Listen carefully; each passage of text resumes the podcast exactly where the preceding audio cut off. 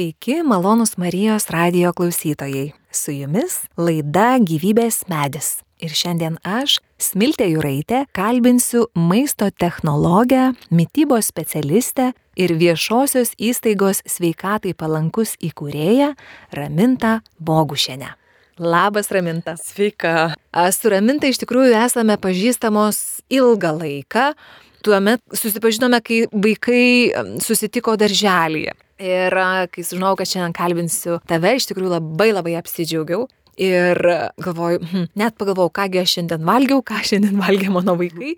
Ir kad naudingus klausimus užduosim ramintai. Šiandien iš tikrųjų bendrausim ir kalbėsim apie mytybą, daugiausiai apie vaikų mytybą nors Marijos radijo eterėje tai nėra itin dažna tema, bet aš galvoju, na visi tie, kurie yra tėvai, seneliai, krikšto tėvai arba tiesiog, kur svečiuose apsilanko vaikai, tai manau, kad tikrai bus pravarčios informacijos.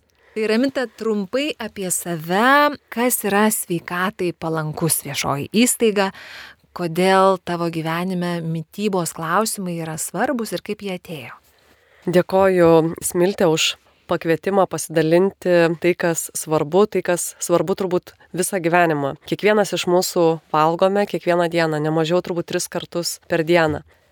Vieniem tai yra savaime suprantamas dalykas, kitiem tai yra gyvenimo dalykas, kur lydi visą gyvenimą nuo pat gimimo ir visada, net būdama dešimtoj klasiai, supratau, kad visą gyvenimą siesiu būtent su maistu ir labai aiškiai tą mačiau, nors daugelis mokytojų atkalbinėjo, sakė chemijos inžinierija, maisto technologijos yra labai sudėtinga specialybė ir tai yra tarsi medicina ir tos studijos labai sunkios, bet kadangi man puikiai sekėsi chemija ir aš nepabijojau to ir tikrai tęsiau ir ėjau link savo svajonės, o tikėtina, kad postumis į maistą buvo iš šeimos, iš giminės, nes visi nuo mamos, močiutės ir iš vienos pusės linijos, iš tėčio ir iš mamos, visi buvo gamintojai, visi buvo tie, kurie siejo savo gyvenimą su maistu, ar tai buvo promočiutė mokyklos vyrėja, ar tai buvo mano močiutė, kuri gamino grybų šeiminas iš mamos pusės, ar tai mano mama, kur iš esmės turėjo čia burekus Kaune vienoj kaviniai, kur jinai juos gamindavo ir prekiaudavo.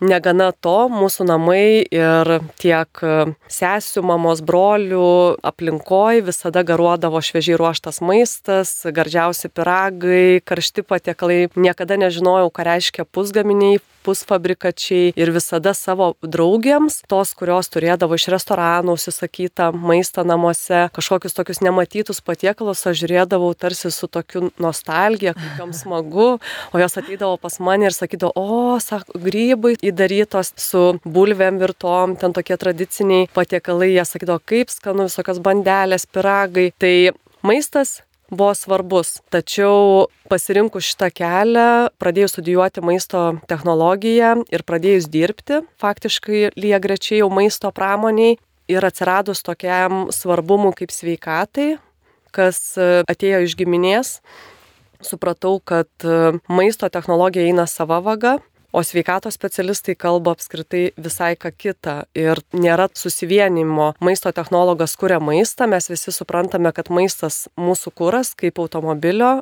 kūras, nenuvažiuosim nuo taško A iki taško B, jeigu jisai bus neteisingas kūras, taip ir maistas. Tačiau maisto technologas kuria maistą, kuris, kad būtų tik atskanu, kad kuo mažesnės sąnaudos būtų ir kad kuo daugiau pirktų, kad kuo mažiau maistinės vertės būtų, kad to sotumo mažiau būtų, kad tu norėtum valgyti dar ir dar ir dar ir jau man tada prasidėjo tokie klausimai, kur netenkino viena maisto pramonės įmonė, perėjau į kitą, galvoju, ten atrasiu kokybę, nes prieštaraudavau ir tam tikrom žaliavom, kurios netitikdavo mano kokybinio vertinimo, aš negalėdavau jų priimti. Tada perėjau į trečią įmonę, tai buvo mėsos pramonės įmonės ir ne viena iš tų įmonių nelydėjo su labai gera energija, tai buvo tikrai nepavydėtina energija tose įmonėse ir negalėdama ištverti to aplinkos tokio fono ir tos nekokybės, to verslo tokio modelio supratau, kad niekur nerasiu kokybės, sveikato sąsajų ir reikia judėti toliau ir ieškoti, kur galiu prisidėti prie žmonių sveikatos įsaugojimo per maistą. Ir tuomet Išsiuntinėjau CV į įmonės, kuriuose norėčiau dirbti. Ir viena tokių buvo Lietuvoje pirmoji sertifikavimo įstaiga, viešoji įstaiga EcoAgros, kur tik tai prasidėjo ekologiškų maisto produktų sertifikavimas, naujas Europos reglamentas ir visiškai nauji vėjai, jie net neieškojo specialisto, bet aš kažkaip pagalvojau, kad ekologija ir sveikata ir maistas tai yra jau link to, kad prisidėčiau prie žmonių sveikatos įsaugojimo. Ir pasukau šituo keliu, jiem tiesiog įsiuntus e, užklausimą, savęs pristatymą, gavau darbą ir šioje įstaigoje išdirbau nemažai metų, tikrinau visas įmonės, kurios gamina ekologiškus maisto produktus. Jau širdis e, dainavo daugiau ar mažiau, tikrai buvo nuostabių žmonių kelyje sutikta, tų, kuriems rūpi tai, ką jie gamina, kad ir tai buvo gamintojai maisto, bet tikrai sutikau ir tam tikrų ir mažųjų gamintojų, ir didžiųjų, kurie visgi eidavo link tos kokybės ieškojimo, kaip pagaminti tą sveikatai palankesnį maisto produktą. Tačiau ir čia, supratus, kad ekologiška gali būti ir rūkyta dešra, kad ekologiški gali būti ir saldainiai, kad ekologiški gali būti ir alkoholiniai gėrimai, aš supratau, kad e, mano kelias čia baigėsi. Ir besilaukdama antros dukrytės, kai man teko sertifikuoti ekologišką alkoholinį gėrimą buvau priversta, galima taip sakyti. Supratau, kad e, lietuvis supranta, kad ekologiškas maistas lygus sveika. Ir šitoj vietoj, kaip sakau, alkoholio formulė nesikeičia nuo to, kad e, jisai yra ekologiškas ar įprastinis, ar pagamintas iš ekologiškų grūdų, ar iš įprastinių. Formulė ta pati yra C2H5OH, visiems puikiai žinoma. Ir e, supratau, kad po dukrytės gimimo tęsiu švietėjišką veiklą ir taip e, padariau dar dukrytei buvo šeši mėnesiai, kai aš įkūriau viešą įstaigą sveikatai palankus, jau dabar jai septyni metai. Ir nuo 2016 metų kovo pirmą dieną įkūriau šią įstaigą ir pradėjau veiklą švietėjiška tam, kad žmonės e, sužinotų, atpažintų kokybišką, sveikatai palankesnį maisto produktą, jie tiksliai žinotų, kas yra ekologiškas maistas, kad tai yra daržovės, mėsa, tie grini maisto produktai, pieno produktai yra užauginti be cheminių medžiagų. Bet jeigu jau gamini galutinį produktą, tai kaip technologas jį gali pridėti kiek nori cukraus, kiek nori druskos, gali išimti visus vitaminus. Tai ekologija yra apie auginimą ir be cheminių medžiagų įsaugojimą visame gamybos etape, bet apie sveikatai palankumą tokio tiesioginės sąsajos nėra. Ta švietėjiška veikla taip ir prasidėjo. Tai dabar, kaip ir tu paminėjai, kad iš tai viešai įstaigai, kurią tu įkūrė ir kuriai vadovauji, sveikatai palankus, septyneri metai. Trumpai, pagrindinis laimėjimas arba laimėjimai, nuveikti darbai, ką pavyko nuveikti reikšmingo per septynerius metus?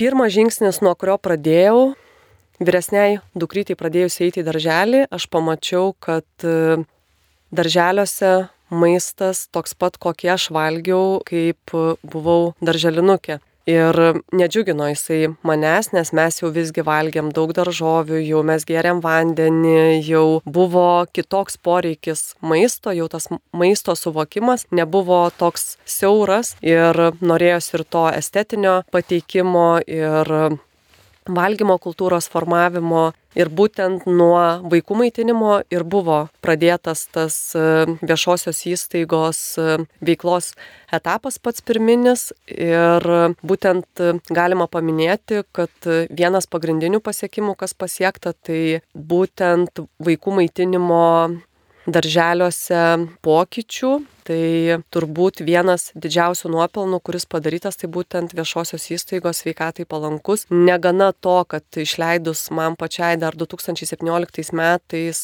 ar 2018 metais gal knygą valgerašių ir technologinių kortelių sveikatai palankių, tai užsisuko visas tas ratas, nes tai tarsi buvo rinkoje naujas sujudimas, kaip čia patiekalai, daugiau daržovių, atsiranda kažkaip augaliniai baltymai, atsiranda pupos, pupelės, kurios tarsi pamirštos, ką anksčiau valgėm. Tai toks e, buvo postumis į priekį ir tada prasidėjo ir teisinio reglamentavimo keitimai, tada ir tėvų švietimas, kas iš esmės ir tėvai pradėjo atsigręžti, ką jie ar tikrai tose ūkdymo įstaigose geras maitinimas, kaip jie namuose valgo. Ir visa švietėjiška veikla prasidėjo būtent nukreipta į vaikų maitinimą. Ir manau, vienas didžiausių pasiekimų, kad šiai dienai darželiuose mes turime sveikatai palankesnį maitinimą. Didžiojoje dalyje galima tai pasakyti, vaikai geria vandenį, kas anksčiau buvo nonsensas, kai buvo priimtas šitas sprendimas. Tėveliai sakydavo, o tai jums gaila cukraus, Tai dabar vaikai mieliau geria nesaldintą gėrimą negu saldintą gėrimą. Jeigu kalbėt apie darželinukus, jie valgo daugiau daržovių, daugiau maisto gaminto garuose, ruošto konvekcinėse, virto, troškinto, mažiau kepto, faktiškai tik blynai likę vakarienėse kepti. Vaikai valgo darželiuose reguliariai, ne mažiau tris kartus per dieną. Ir atsiradė tikrai įvairovė patiekalų ir maistingesni vertingesni maisto produktai atsiradę darželių maitinime ir manau tai vienas didžiausių dalykų, o asmeninių pasiekimų irgi buvo šitoj srity, kas liečia maisto, būtent švietėjišką veiklą, būtent nemažai ir knygų išleista ir netgi vaikams pasaka parašyta. Žodžiu, laimėjimų tikrai ne vienas, ne du. Ir, na, turint tą tokį aukštesnį tikslą, aukštesnę, na, prasme viso, viso verslo, jisai kažkaip sklandžiau ir vystosi. Aš klausytojams primenu, kad šiandien mūsų laidoje gyvybės medis svečiuojasi maisto technologija, mytybos specialistė ir viešosios įstaigos sveikatai palankus įkūrėja Raminta Bogušienė. Tai dabar pakalbėkim apie labiau žemiškus ir praktiškus ir um, įgyvendinamus dalykus. Galimai mūsų klausosi tėvai arba seneliai arba, žodžiu, žmonės, kurių aplinkoje vaikų pasitaiko. Tai dabar pakalbėkim apie na, įprastą vaiko mytybos dieną. Kaip galėtų atrodyti idealus mytybos grafikas pradedant kartais, baigiant tuo, tai angliavandenius reikia ryte valgyti, ar per pietus, ar vakare. Ir va, tokie pačios pagrindinės taisyklės, tas ABC, kaip tai turėtų atrodyti. Idealaus maitinimo nėra.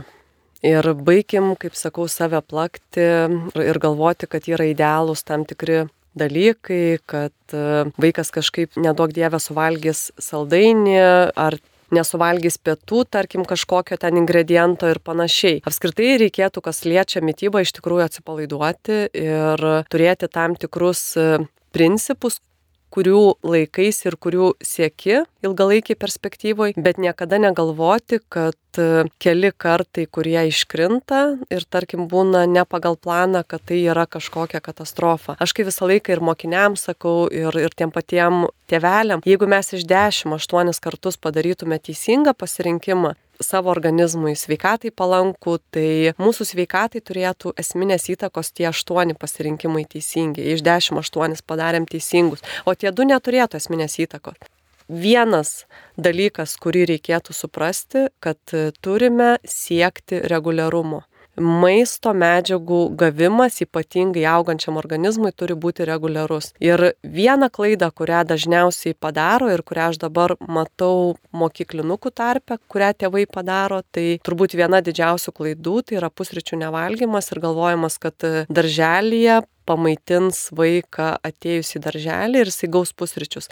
Taip, darželėje vaikas gauna pusryčius, bet katastrofa atsitinka tada, kada vaikai išeina į mokyklą, jie jau būna nebeįpratę valgyti pusryčių. Ir mokyklose šiai dienai keliaudama po visas Lietuvos mokyklas, darydama apklausas vaikų su jais diskutuodama, su šeštokais, septintokais, aštuntokais, dvyliktokais, aš pastebiu, kad 50 procentų jų nevalgo pusryčių, dalis jų netgi nevalgo visą dieną būdami mokykloje. Tai čia mes ir suformuojame patį didžiausią valgymo kultūros ir sveikatos problemą, kurią turime likusį gyvenimą. Tada jie tampa vakariniais valgytojais, tada jie tampa tais, kurie turi perteklinį kūno svorį, tada iš kažkur 20 metį atsiranda skrandyje žaizdos, reikia tulžį šalinti akmenų problemos čia yra, kaip sakau, gniuštė, kuri užsisuka. Tai iš asmeninės patirties galiu pasakyti, šitą nujaučiau, nors gimus vaikui nežinau ar intuityviai ar kaip, bet aš tą nujaučiau, kad aš privalau duoti pusryčius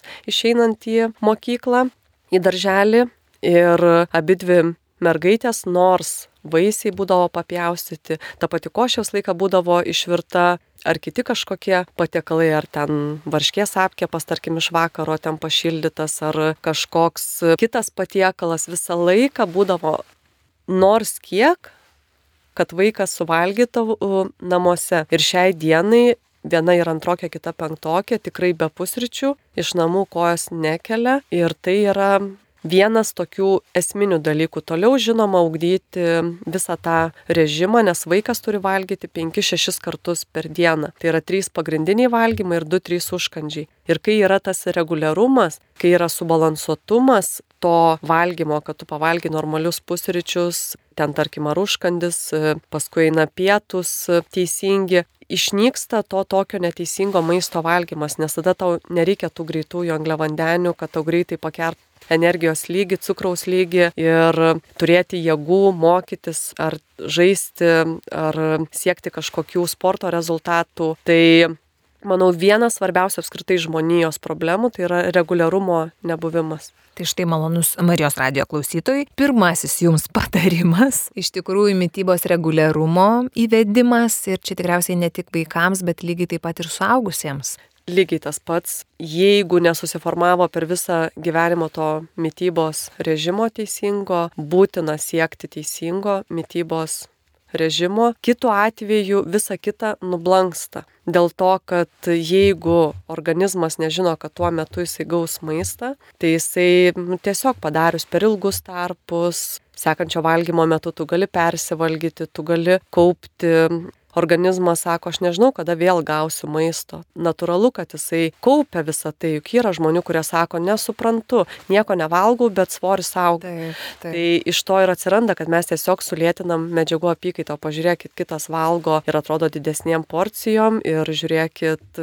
jisai ir dažniau valgo, ne vieną kartą per dieną, kaip madinga šiais laikais, bet valgo ten penkis kartus per dieną ir kūno svoris normalus išlieka visą gyvenimą. Netgi paskutiniai tyrimai iš tikrųjų rodo, čia toli nereikia eiti. Tų tyrimų buvo N metų, bet ir paskutiniai, vad ką rodo, kad vienai grupiai davė tiek pat kalorijų bet jinai valgė pusryčius, o antra grupė gavo irgi tiek pat kalorijų, bet valgė vakarienę ir visumoje tie, kurie valgė vakarienę, o nevalgė, tarkim, pusryčių, jų kūno masė yra didesnė. Ir tą tyrimai fiksuoja. Mes turime, kaip sakau, tą pagrindinę gauti pirmoje dienos pusėje, o vakarienė jau yra atiduoti nurimti ir atiduoti į miego pusę. O kai nesusiformuoji tų įpročių, pusryčių nevalgymas, protarpiniai badavimai ir netgi vaikams šitas protarpinio badavimo mados e, režimas yra įskiepytas ir tikrai būna keliaujant per mokyklas. Vaikai sako, nu tai juk e, pusryčių valgyti juk nereikia, reikia duoti organizmui palisėti. Taip ir mūsų močiutės duodavo organizmui palisėti, jos duodavo 12 valandų palisėti Tai yra, tarkim, nuo vakarienės iki pusryčių 16 ar ten daugiau valandų. Tai apie jaunimą kalbos apskritai būti neturėtų, nebent gydytojas rekomendavo kitaip. Labai gerai. Kaip tik buvau net ir užsirašius tą klausimą, tai jeigu tokia yra didžiulė pusryčių svarba, net kažkur tautosakoje, ar ne, yra, kad nu pusryčius pavalgyk, pietus su draugu pasidalink, o vakarienę priešui atiduok, ar ne? Tai, tai žodžiu, ta gaji mintis e, arba tokia to įprotis, kad, nu, vat, pusryčiams podelis kavos, nu ir jau paskui apie pietus aš galiu pradėti pagalvoti. Tai nėra teisinga. Žinoma, tikrai nėra teisinga ir Pusryčiai, jeigu mes kalbam apie vaikų mytybą, turi sudaryti apie 25 procentus jo raciono ir vakarienė tiek pat turėtų sudaryti apie 25 procentus, pietus apie 40 procentų ir užkandžiai apie 10 procentų. Mhm. Tai yra priešpečiai, pavakariai, netgi gali būti ir naktipėtis, pavyzdžiui, jeigu augančiam vaikui. Tai irgi tas gali būti. Reguliarumas turi būti. Žiūrėkit, du patarimai mytybos reguliarumas ir pusryčių svarba. du užsirašiau, pasižymėjau ir nors iš tikrųjų tą mes ir darom ir mano darbo diena net ir prasideda tuom, kad aš, man labai atrodo svarbu pamaitinti vaikus, duoti jiems bent, žinau, kad vieną kartą per dieną aš duosiu pusryčius, o paskui jau ten kaip jau susidėlios, ar ten mokykloje pietus, ar dar kažkur.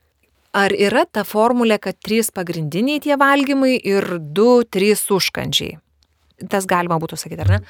Ką rinktis užkandžiams. Vaikų užkandžiams, savo paties užkandžiams, kas yra rekomenduotina ir ką tu siūlytum galvojant ar priešpečių dėžutės, arba galų galia ir savo paties racioną, bėgant į darbą, ką reikėtų įsimesti rankinę, kad turėti užkandžių.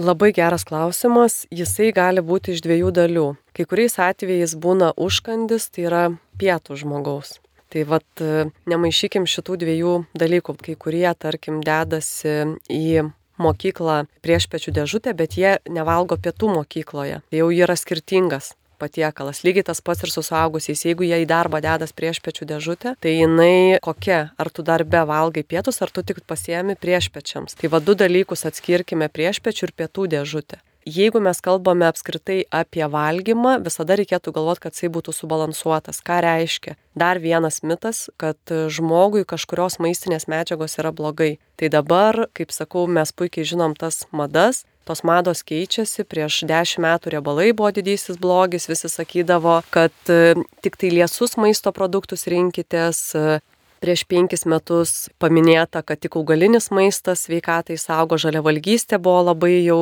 madinga, tačiau irgi pamatė, kad kibirais valgant kalorijų nesusirinks ir žmogaus sveikatą susigadinsi. Tai šiai dienai net vaikai man puikiai pasako, kas madingiausia, Tai yra tos įvairios keto, paleo, bengliavandenių dietos, kurios priveda prie labai rimtų sveikatos sutrikimų. Ir tą gydytojai tvirtina ir tai nėra paslaptis. Ir jeigu tai yra trumpalaikis tam tikras kažkoks pasižiūrėjimas, pasimatavimas marškinių, tarkim, atsisakius angliavandenių, tai yra viena, bet jeigu tai tampa ilgalaikiu žaidimu, tai jisai virsta tikrai sveikatos sutrikimu daugeliu atveju. Vieninteliu atveju angliavandenių galima atsisakyti tik tiktais gydytojui priežiūra ir jam rekomendavus tai atlikti. Tai būna labai skirtiniais atvejais.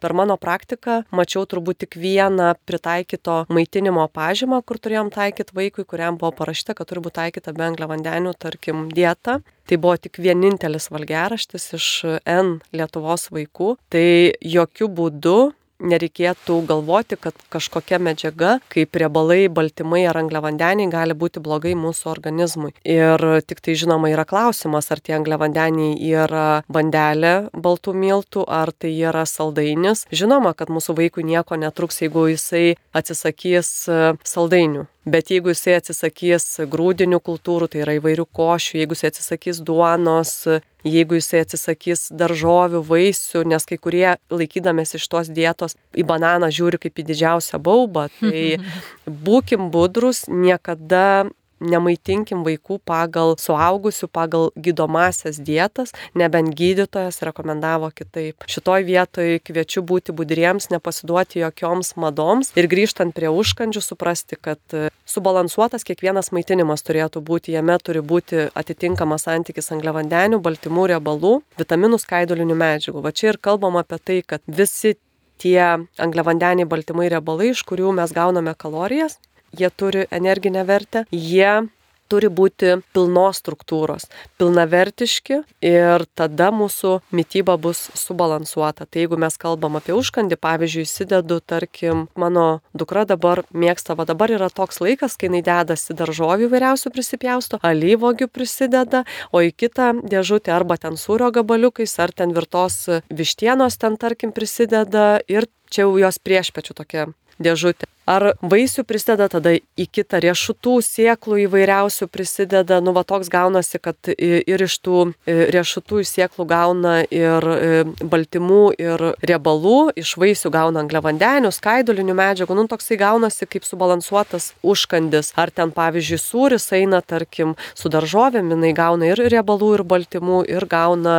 skaidulinių medžiagų iš daržovių, vitaminų ir angliavandenių. Ir kai yra subalansuotas užkandis, jisai yra ilgalaikis sotumas, o ne trumpalaikis, kad tu tiesiog suvalgy ten, tarkim, kažkokį batonėlį, tu čia suvalgy ir čia tas sotumas praėjo ar ten bandelį. O jeigu pietų dėžutė, tada jau reikėtų galvoti, kad gauti tokį kaip karštą patiekalą. Ir tikrai yra vaikų, kurie nevalgo mokyklose pietų ir nešasi grinai karštus tos termosus, kur mamos ten tarkim įdeda ir karštą patiekalą ir tų pačių grikių ir tarkim šalia daržovės ir kitoj dėžutėj tarkim daržovės ir ta pati kotletukas ar ten žuvis ar, ar kitas kažkoks patiekalas, kad gautų ir pilnaverčių baltymų, nes pagrindinis pietums vaikui ypatingai turi būti ir angliavandenių ir daržovių bent trečdalį, kad porcijos sudarytų.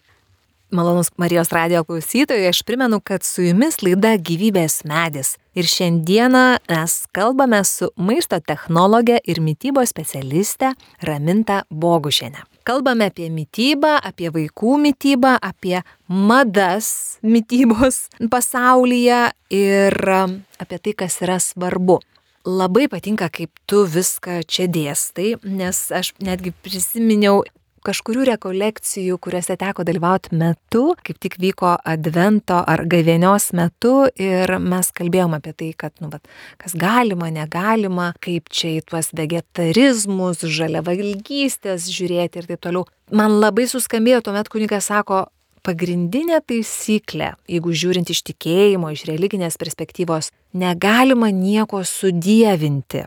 Ir galbūt viena pagrindinių klaidų, kai žmogaus visos mintis pradeda suktis apie tai, jeigu tu esi kažkokia, nu, nežinau, mytybos, ar net ten keto, paleo ar dar kažką. Tu visada galvoji, ką gali suvalgyti, ko negali suvalgyti.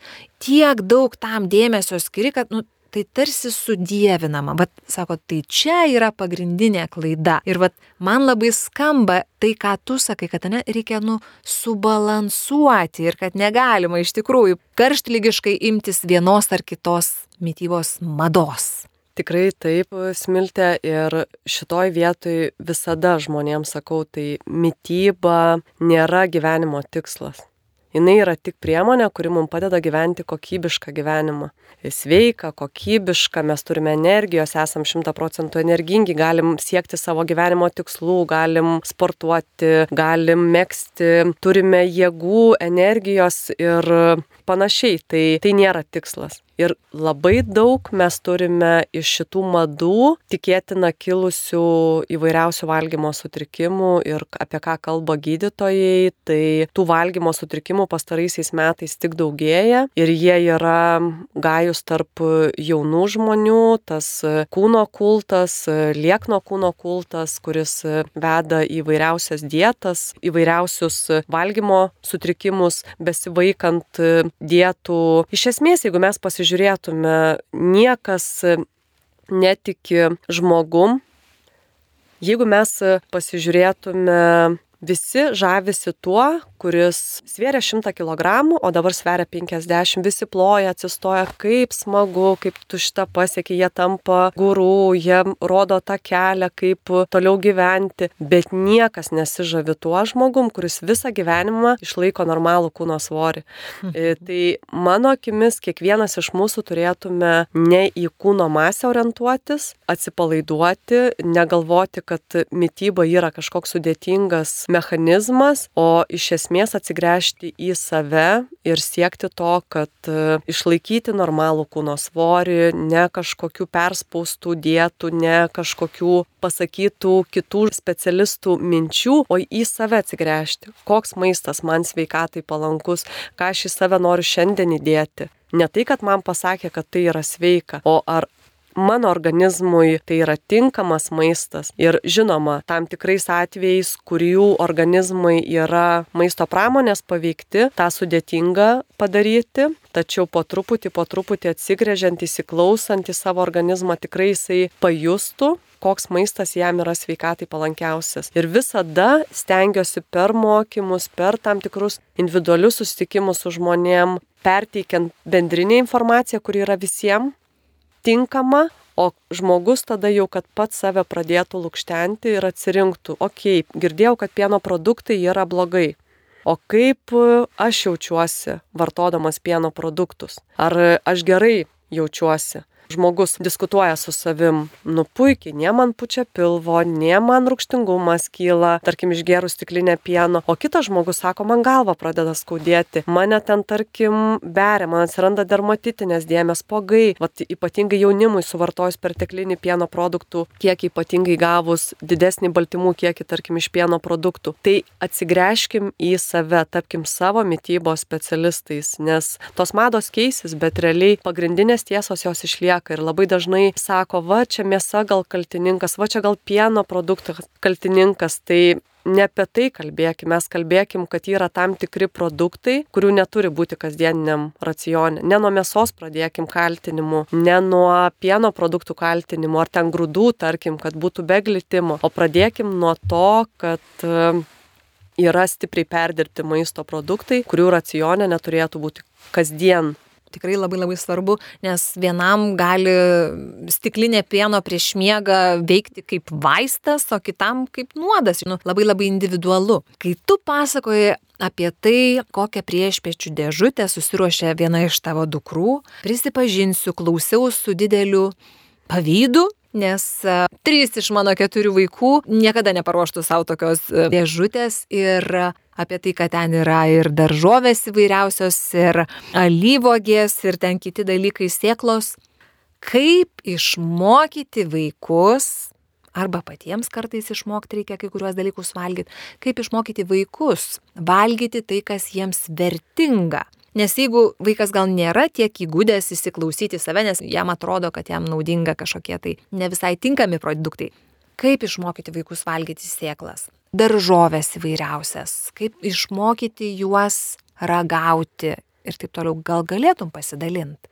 Labai geras klausimas ir šitoj vietoje jūs negalvokit, kad mano vaikai kažkokie stebuklingi ir jeigu mes su vyru nesiektume to, kad jie iš 10-8 kartus rinktųsi sveiką pasirinkimą, jie tikrai to nedarytų. Jie tikrai to nedarytų. Tikėtina, kad būtų tikrai tokių kartų, kurie, nu, jie sakytų, mes tikrai, nu, labiau norėtume gal tuos, tarkim, kažkokį šokoladą įsidėti į mokyklą. Tai jie nėra kažkuo ypatingi ir išskirtiniai vaikai, bet būdami šalia mūsų, matydami, kokius mes produktus renkamės, visada nuolat primindami jiems, kad šalia maisto turi būti daržovės, ar ten pusryčių košė, visada pripjaustyta vaisiai, ar ten uogo šaldytos, tarkim, dabartinių sezonų išimtos, kad jie įsidėtų ar suvalgytų prie košės. Tai yra nuolatinis priminimas vaikams, kad renkamės mes veikatai palankų maistą, didžiąją dalį raciono, bet kartu ir neperspaudžiant jų, kad nedaug dievė suvalgys saldainių ir va dabar atskubėjus jūsų studiją. Iš tikrųjų mergaitės kepė namuose su klasiokiam pizzas, tai yra naminės pizzos, tai yra iš gerų miltų, tai yra geras alyvogio aliejus, tai yra ne kečiupas, o pomidorų tyrė, tarkim, virta mėsytė, o ne kažkokia rūkyta, tai ir balta mėsa, tarkim, vištiena, ir daržovių daug, ir dar šalia picos pripjaustyta daržovės, tai nėra kažkokie tie patiekalai, žinot, kad tik ant daržovių mes ten blyno ar ant salotų gyvi. Tai viskas yra žemiška, tik tai tai, kad e, vaikam tu turi nuolat būti pavyzdžių ir nuolat priminti, kad e, mes renkamės dažniau sveikatai palankų maistą, o visa kita tai kartais atsiranda mūsų gyvenime, mes tuo džiaugiamės, ten ir saldainių, ir ledais pasimėgaujam, bet tai nėra kasdieniniai mūsų mytybos įpročiai. Ir jeigu nueitumėm į parduotuvę, vat su mano mergaitėm, jūs tikrai pamatytumėt, kad jos tikrai nestovi prie čipsų lentynos ir neprašo mama, nupirk man gal šitų čipsų ar ten saldinto gėrimo. To niekada nepamatysite, nes jos žino tam tikrus produktus, ką mes perkam prekybos centre. Taip, tame racione gal yra tokių, kurie nėra patys veikiausi, ten tarkim, galbūt ir saldintą jogurtą kažkada jūs pamatysite pas mane krepšį prekybos centre, tačiau jisai bus išsirinktas geriausias iš tų, kokie yra. Bet, nu, turbūt niekada nepamatytumėt saldintų gėrimų, bulvių traškučių, pusgaminių, pusfabrikačių įvairiausių, rūkytų gaminių, nepamatytumėt. Tai yra tam tikri produktai, kurie yra per eilę metų įaugę ir vaikai žino, ką mes renkamės, kokie mhm. maisto produktai yra mūsų racione.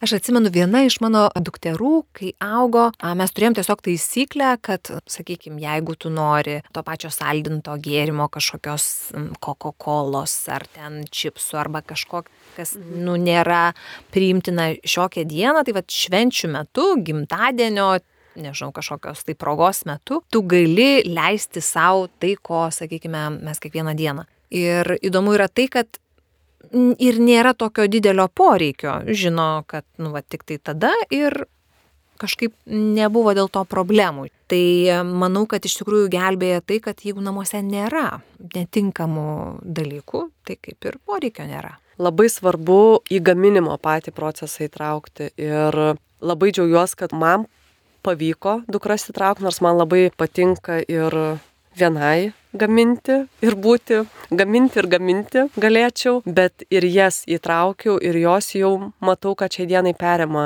virtuvę ir jos ten atranda irgi save ir šitoj vietoj manau, kad nieko nėra sveikiau negu pačių gamintas maistas, kad ir ta mhm. pati, kaip ir minėjau, pica, bet jeigu jinai paruošta pačių, su pačių rankom išminkita ir ten dar jeigu pridėti tinkamesni ingredientai, vertingesni ingredientai, tai jau yra, kaip sakau, nuo pradžios iki galo didžiaja dalim tu prisidedi prie to, ką tu valgai. Tai manau, jaunimą, vaikus turime įtraukti į gaminimo procesą. Va tą ir darom su socialinė veikla nuolat ir kalbam su vaikais ir diskutuojam ir įvairiausius projektus vesdami, edukuojam juos ir spektakliais su aktoriais Brokoliukas ir Braškytė ir kartu ir gaminam ir degustuojam su jais. Per tai mes turime pažadinti juose meilę maistui, kokybišką maistui. Nes jeigu tu negamini maisto, tada tarsi toks įsibraukia e, viena linija ir vaikai užauga, jie pradeda gyventi vieni ir atsiranda tam tikras to greito maisto racionas jų mytyboje. Ir va čia mes tik tai vaikystėje ugdydami tą meilę maistui, mes galime išugdyti, kad jie ir būdami studentai, būdami jau tėvais, jie norės to namuose gaminto maisto. Čia kaip ir su bet kuriuo vertybiniu pagrindu, ar ne tas pamatas, kurį mes statom, kurį mes liejam, būtent vaikystėje tas yra labai didelę reikšmę turintis dalykas. Aš kažkada skaičiau knygą Prancūzų vaikai valgo viską. Ir ten viena iš minčių buvo taip, kad sako, jeigu jūsų vaikas kažko nevalgo, tai tik dėl to, kad per mažai kartų jūs jam siūlėte tai ragauti. Ar galėtum savo komentarą šiuo klausimu? Puikia knyga. Tikrai rekomenduoju visoms mamoms ir tėveliams ją perskaityti. Ir jeigu mes lietuviai iš jų pasimokytume, tai yra to pirmo mano patarimo - reguliarus valgymas ką prancūzai išlaiko, bent jau toj knygoje, kas yra rašoma, tai yra reguliarumas. Atėjo pietų metas, nenori vaikelį valgyti, kas pas mus yra.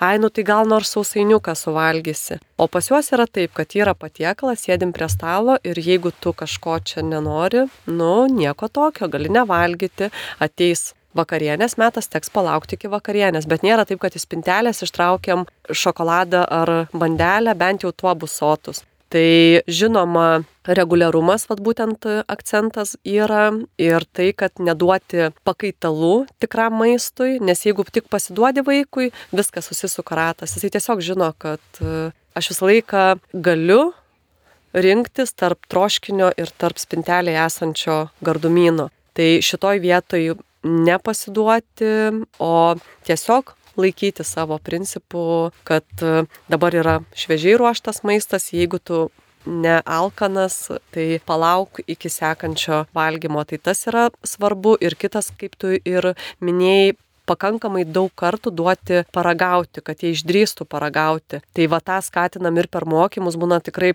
pamato tam tikras daržovės, va dabar buvom mokymuose globos namuose Jonavos ir vaikai gamino patys ir neragausim jokių būdų, sako, čia šparaginės pupelės mes nemėgstam, ten troškinys toksai. Ir iš esmės iš visų patiekalų ten gal penki patiekalai buvo ir tas troškinys buvo skaniausias, mes sako, norim į valgeraštį jį įsitraukti, jiem labai patiko ir Tik tiesiog tu juos turi paskatinti, supažindinti su maisto keliu nuo produktų iki galutinio patiekalo ir paskatinti paragauti. Ir darželiuose pastebėjimas, mokyklo maitinime yra toksai, kad vieną kartą paleidus naują patiekalą gali nepasiteisinti, reikia leisti bent tris kartus, nes būna, kad antrą kartą jau jie pradeda valgyti, o trečią žiūrėk, jau jiems patinka tai, ką gauna. Tai nenuleist rankų, o tiesiog siūlyti vaikui paragauti mūsų laidai skirtas laikas beveik ištirpo. Aš žinau, kad labai daug informacijos jūs galėtumėte rasti interneto svetainėje www.sveikataipalankus.lt ir ten rasite ir ramintos kontaktus ir labai daug vertingos informacijos. Raminta, koksai būtų patarimas tėvams, seneliams arba apskritai žmonėms, e, kurie domisi mytyba, kuriems svarbu to tinkamo kūro rasti savo organizmo sveikatai palaikyti. Koks būtų patarimas? Pabaigai, palinkėjimas klausytojams. Rinkitės kiek įmanoma sveikatai palankesnius maisto produktus tuo duotuoju momentu, nes ne visada gali įsirinkti patį geriausią, bet ką gali tuo momentu įsirinkti geriausio ir iš to gaminkite sveikatai palankesnius patiekalus, įtraukdami visą šeimą ir valgykite visi kartu prie stalo, kad grįžtų ta valgymo kultūra, o ne vaikščiodami, ne kiekvieną savo atskirai kambariuose prie televizorių ir kitų ekranų, o grįžkime visa šeima prie bendro stalo, nes ir tyrimai rodo, kad vaikai, kurie auga šeimose, bent kartą per dieną valgo prie bendro stalo, pasidalindami savo džiaugsmais ir vargais, auga emociškai stabilesni vaikai. Tai to ir linkiu kiekvienai šeimai, kuri augina vaikus, kad tos tradicijos valgymo kultūros būtų puoselėjimos, kad ne mados, ne kažkokie angliavandeniai blogis, o iš esmės maisto gaminimas ir kuo geriausio, vertingiausio maisto pasirinkimas tuo duotuoju momentu kasdien įtraukiant į racioną. Vardant to, kad mūsų tauta būtų sveikesnė, nes keliaujant per mokyklas kartais atrodo, kad mes būdami tie 40 mečiai, turbūt gali taip atsitikti, kad teks jaunimą išlaikyti vyresnėme amžiuje, nes tų sveikatos problemų turime susijusių su mytyba ir šitoj vietoj tikrai verta atsigręžti į tai, ką mes valgome. Čia buvo laida gyvybės medis ir šiandien kalbėjome su maisto technologė, mytybos specialiste ir viešosios įstaigos sveikatai palankus įkūrėja Raminta Bogušienė. O aš, Smiltė Juraitė, linkiu Jums būti sveikiems, pavasarinės saulės džiuginamiems ir iš tikrųjų tai prisiminkit, kad Jėzus kalbėjo, kad žmogus gyvens ne viena duona, bet kiekvienu žodžiu išeinančiu iš Dievo lūpų. Tai geros dienos, būkite sveiki ir Dievo palaiminti.